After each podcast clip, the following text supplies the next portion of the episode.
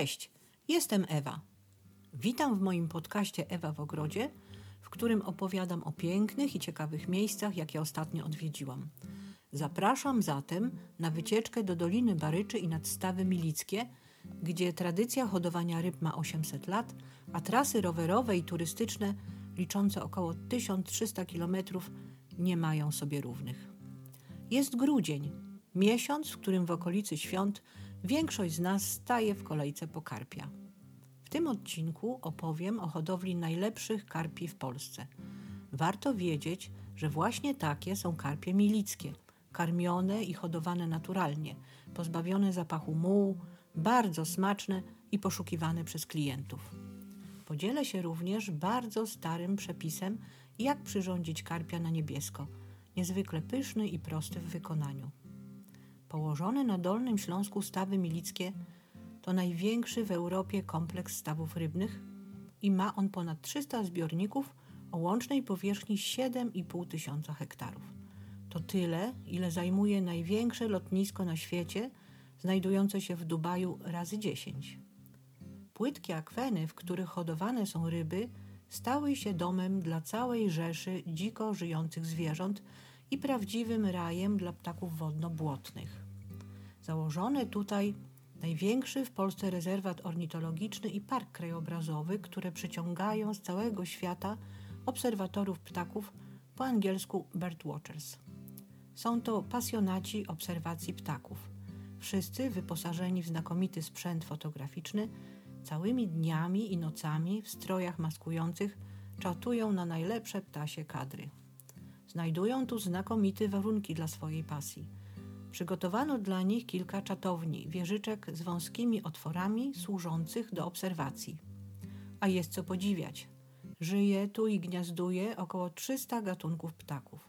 Są to m.in. błotniaki stawowe, duże drapieżniki pozostające pod ochroną, bocian czarny, kilka gatunków czapli, derkacze, rzadko widywane dudki, wiele odmian gęsi, kaczek, łabędzie nieme oraz krzykliwe. Te to potrafią narobić rejwachu.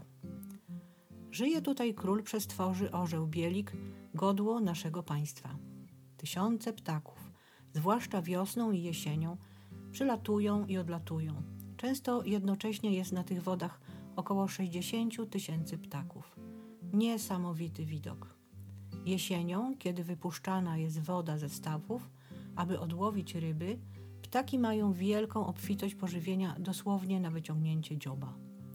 Stawy milickie, jako jedyne w naszym kraju, należą do światowej sieci Living Lakes, czyli żyjących jezior.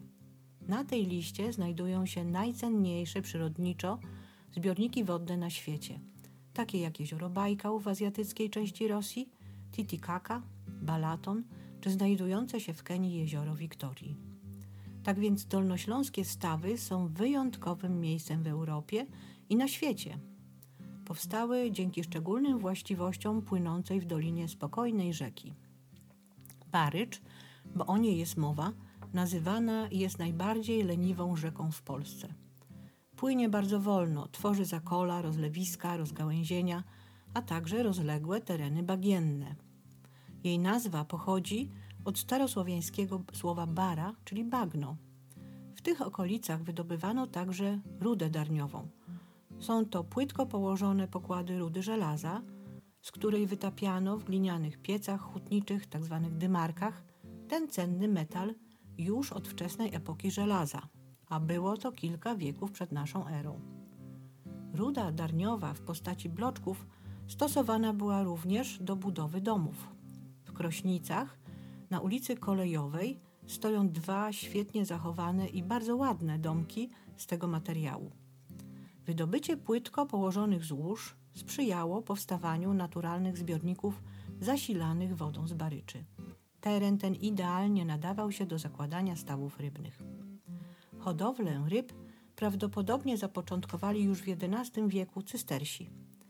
Sprowadzeni z Niemiec przez Bolesława Wysokiego zakonnicy zajęli się hodowlą ryb bardzo chętnie, ponieważ reguła zakonna przewidywała aż 180 dni postu w roku.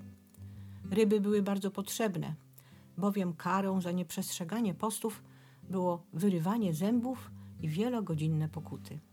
Nawiasem mówiąc, za rybę uważano również bobry, a ich łuskowaty ogon podawano nawet w Wigilię. Zakon cystersów słynął z gospodarności. Szybko więc postawili hodowlę na bardzo wysokim poziomie. Dodatkowo sprzyjał im ciepły klimat Dolnego Śląska. Rozległe, płytkie akweny z ciepłą wodą sprawiały, że ryby czuły się w tych stawach doskonale. Od XVII wieku właścicielami Milicza i okolicznych wiosek wraz ze stawami byli Malcanowie, arystokratyczny ród wywodzący się z regionu Wirtembergii. Doskonale gospodarowali, rozwinęli hodowlę karpi tak, że przynosiła duże dochody.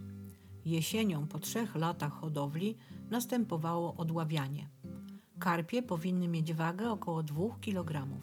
Sposób, w jaki łowi się ryby, właściwie się nie zmienił od setek lat.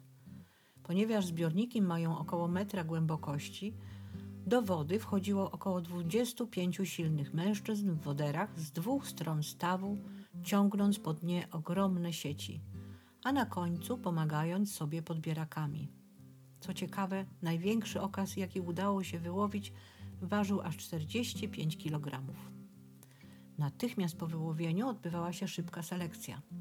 Ryby zapakowane do beczek z wodą trafiały do sklepów i na targ, do Wrocławia i dalej. Dolny Śląsk był główną dostawcą ryb dla całych Niemiec aż do początku II wojny światowej. Jesienne odławianie ryb kończyło się świętowaniem wszystkich pracowników w karczmie. Daniem głównym był oczywiście karp, na kilka sposobów. Jednym z nich był karp na niebiesko, według bardzo starego, bo pochodzącego sprzed kilkuset lat przepisu z tych stron. Oryginalna nazwa tej potrawy to karpfenblau.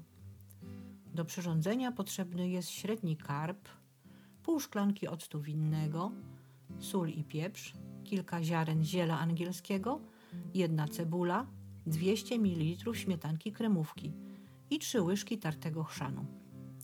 Sprawionego karpia włóż do garnka i zalej wrzącym octem. Pozostaw tak rybę na 10 minut. To właśnie teraz skóra karpia staje się niebieska. W drugim rondlu zagotuj 2 litry wody z zielem i pokrojoną w krążki cebulą. Posól, dodaj pieprzu, umieść wyjętą z octu rybę na sitku i włóż do wywaru na pół godziny, nie dopuszczając do wrzenia. Śmietankę ubij z chrzanem, doprawiając do smaku solą i cukrem. Ugotowanego karpia przełóż na półmisek, udekoruj ubitą śmietanką. Danie proste, smaczne, niezwykle wykwintne. Bardzo polecam. Dziś właścicielem stawów milickich jest województwo dolnośląskie, zajmujące się hodowlą ryb słodkowodnych. Są to głównie karpie poszukiwane na rynku z powodu smaku i jakości.